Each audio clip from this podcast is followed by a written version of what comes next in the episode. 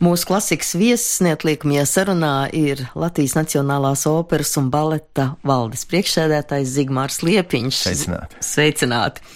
Priekšā brīnišķīga jubileja. Apsveicam jūs Paldies. ar operas simtgadi. Tas tā ir, jā. Lai gan Nacionālās operas vecākā māsa bija Latviju opera, mēs uzskatām, ka opera savu darbu ir sākusi 1918. gadā, 15. septembrī ar skaistu ieskaņas koncertu, 15. oktobrī ir klīstošo holandieti.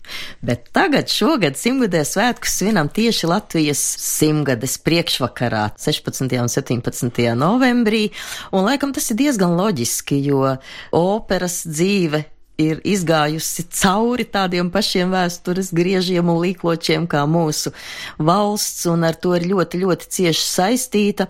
Un otrkārt, nu, tomēr opera tā ir laikam pati galvenā mūsu valsts kultūras zīme. Jā, nu, tas tāds kompromiss datums šoreiz, tie 16, 17, jo būtībā jau Tik tiešām pareizi teica, ka pirmais Latvijas operas iestudējums, Klistošais holandietis, notika, kad valsts vēl nebija Par to, protams, arī droši vien šodien var strīdēties, kurā brīdī un kāda veida Latvija, tika dibināta. Tur ir dažādi vēsturnieku viedokļi, bet nu, tā, ko mēs pieņemam kā oficiālo, tiek dibināta 18. novembrī.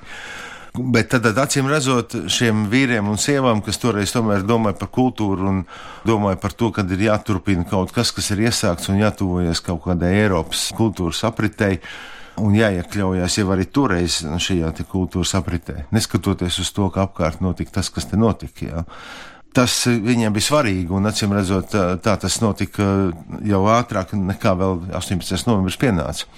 Protams, otrs datums ir 19. gadā, kad tiek dibināta jau Nacionālā opera kā kultūras iestāde, kas ir jau iegūst savu statusu. Tāpēc šis kompromiss datums mums ir kopā ar Latvijas simts gadi un tā kā drusku aizstā septembri un tomēr pirms tā februāra vai kad nu, tas tur bija, ja ne 19. gadā. Un mēs izvēlējāmies to datumu garu un plaši rēķinot, vai mums vajag tieši šajos datumos vai citos datumos, tomēr mēs nonācam pie tā, ka mēs pietuvamies pie valsts jubilejas, un tas viss notiek 16. un 17. novembrī lielie galā koncertiem. Pilnīgi neviļus, kad šāda liela jubileja operai, viņa tiek kaut kā samērot ar visu to, kas ir noticis arī mūsu valsts dzīvē, un noteikti jūs jau arī esat pats iedziļinājies visā, kas ir noticis, gan muzikāli, gan sabiedriski, kā tas viss ir veidojies un uz ko vedis.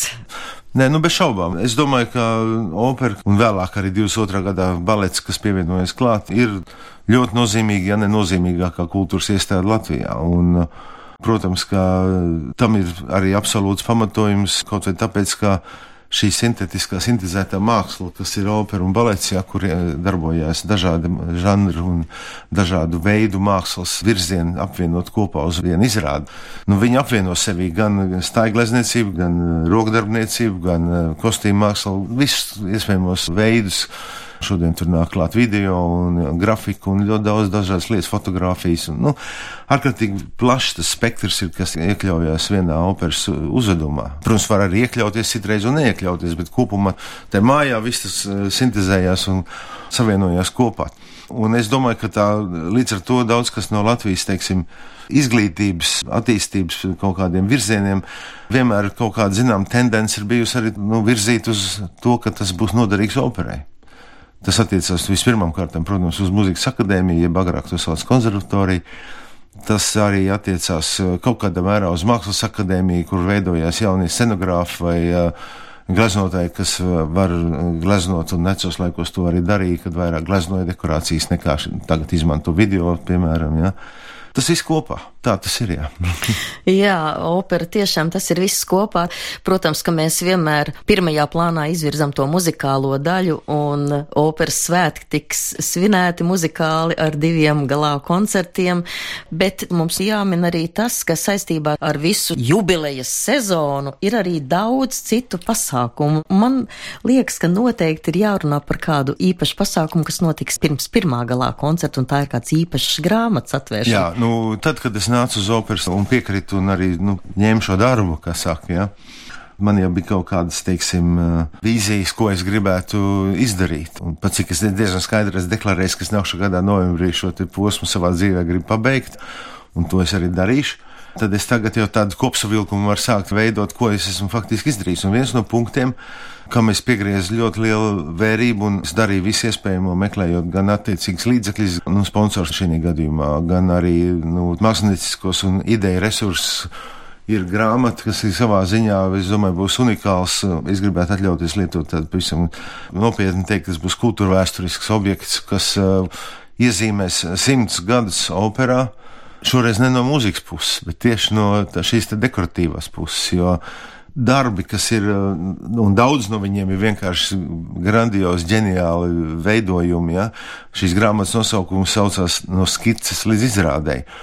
Šis nosaukums sevi ietver to, kā viens mākslinieks uzzīmē, piemēram, kā viņš redz tērpu un kas notiek ar viņu tālāk līdz skatuvei, kādā veidā viņš. Nu, Cik nu, tas bija iespējams vispār pa simts gadiem un par milzīgu operu eh, skaitu. Ja? Un tas šis autoru kolektīvs, kas ir visaugstākās klases mākslas speciālisti, eh, ar šo strādāja gandrīz gadu. Es teiktu, nevis gandrīz, bet man liekas pat vairāk kā gadu. Un tika pārmeklēts viss iespējamās arhīvu un uh, Nacionālā mākslas muzeja, un ne tikai Nacionālā mākslas muzeja, bet arī Rakstniecības mūzikas muzeja un laikmetīgās mākslas muzeja noliktavas. Tika atrasti darbi, kur nav redzēti nekad. Jo operē bija tā, tu uztaisi to skici, tu šuvēji to ušuju, un mēs redzam to galvēju kostīmu, un to skici lēni aizmirst. Ir uzvesti uh, izrādi, un Mēs redzam šo dekorāciju fotografijās, bet mēs nezinām, kā mākslinieks bija iecerējis. Un tur ir fenomenāli darbi no 30 gadiem. Un tik ieguldīt tiešām eh, patiesi liels eh, darbs un arī ļoti liela līdzekļa īstenībā, lai šo grāmatu izdotu. Nu, tas ambiciozs projekts, es teiktu, ambiciozs. Jā.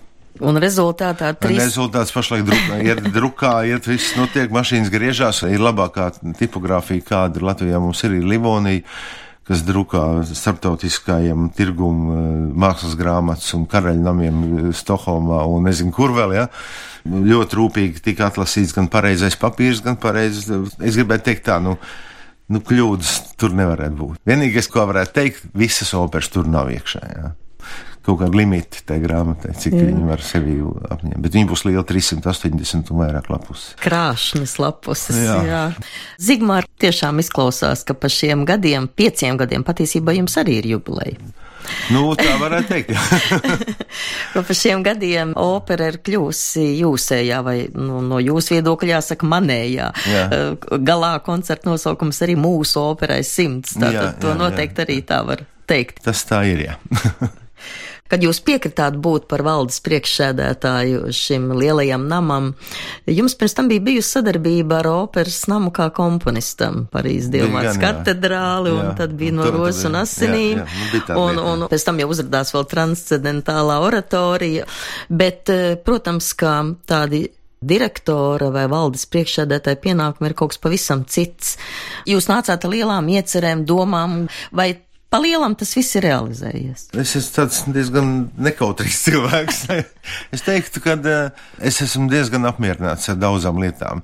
Protams, uh, es nevaru izmainīt valsts kultūra politiku no operas uh, rakursa skatoties daudz lietas, kuras nāksies nākošajam vadītājam vai vadītāja komandai, kas mums īstenībā ir valde sastāv no trīs cilvēkiem, ja es neesmu viens pats gluži. Ja?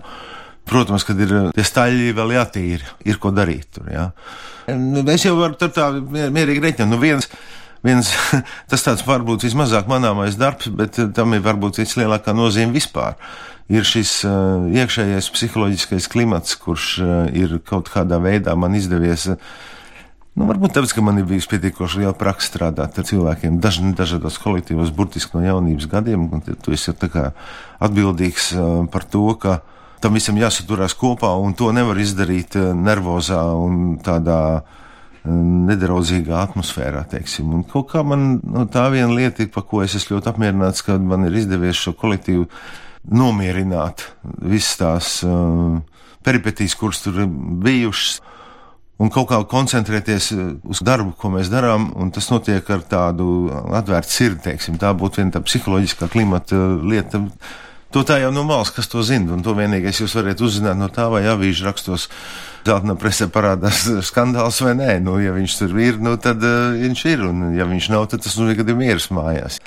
Protams, tas nenozīmē, ka radošā izpausme ir saistīts ar mieru. Mēs esam daudz strādājuši. Tur tas kolektīvs izveidojas tāds, ka tur ir ļoti daudz radošu cilvēku, un, kas ir profesionāli katrs savā jomā. Un saprotams, ka tāds kā es, kas ieņemu nu, vadītāju amatu, es jau nevaru darīt visus darbus. Tas, protams, loģiski ir, ka man jāuzticās tiem cilvēkiem, kas dara šos ikdienas uh, darbus, plānošanu un redz, kā veidojās repertuārs.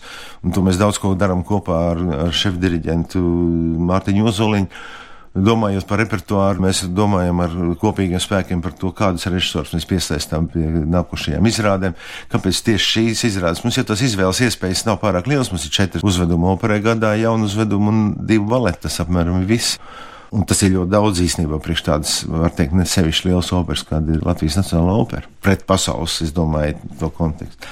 Tā būtu viena puse. Otra lieta bija materiāla tehniskā bāze, kas operā, protams, atradās uh, nu, tādā stāvoklī, kādā nu, viņi tur bija. Un, un ir, protams, pietiekoši, var teikt tā, nepietiekoši, bet diezgan daudz ir atrisināti instrumentu jautājumi. Tur ieguldīti diezgan lieli līdzekļi. Tad, piemēram, tas darbs, kas izdarīts pie Krišņa Barona ielas, tas ir pagaids darbs, un tas ir, protams, ļoti žēl, ka tas ir tikai pagaids darbs, jo tāpēc, ka tur īstenībā vajag būt trešajai operas kārtai.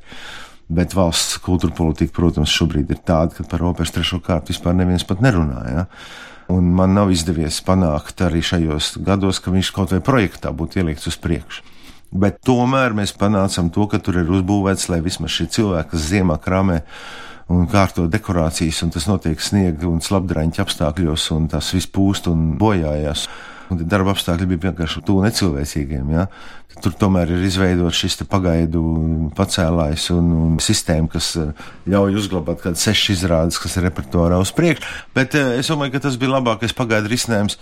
Jo viņš nebūs mūžīgais. Viņam ir tikai nu, nepiepildās vecais sakam vārds, nekas nav ilgāks kā pagaidām. Ja? Nekas nav mūžīgāks kā pagaidām. Ja? Tas būtu ļoti žēl. Paldies par sarunu un tiešām, lai tad jums veiksmīgs gads līdz nākošajam novembrim un ko mēs vēlam kolēģiem, ko mēs vēlam radošiem un semnieciskiem kolektīvam. Kolēģiem operā es varu vēlēt eh, turēt augstu, tā teikt, mākslas lāpu, ne, lai viņi deg, jo brīžiem jau tā ikdienas sadzīve, nu, dažādi apstākļi kādi, ja nu mums te apkārt riņķi ir, kadreiz to entuziasmu arī var pazaudēt cilvēki.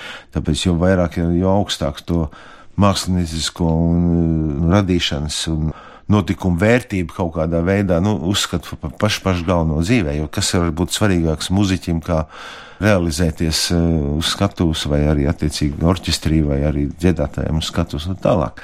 Tāpēc ļoti augsts kvalitātes kritērija ir tas galvenais, uz ko jātiecās, un tad jau attiecīgi vispārējais notiks. Paldies par sarunu, saku šobrīd Latvijas Nacionālās operas un baleta valdes priekšsēdētājam Zigmaram Liepiņam un iedvesmojošs un veiksmīgs svētkus. Paldies visiem tāpatās. Paldies!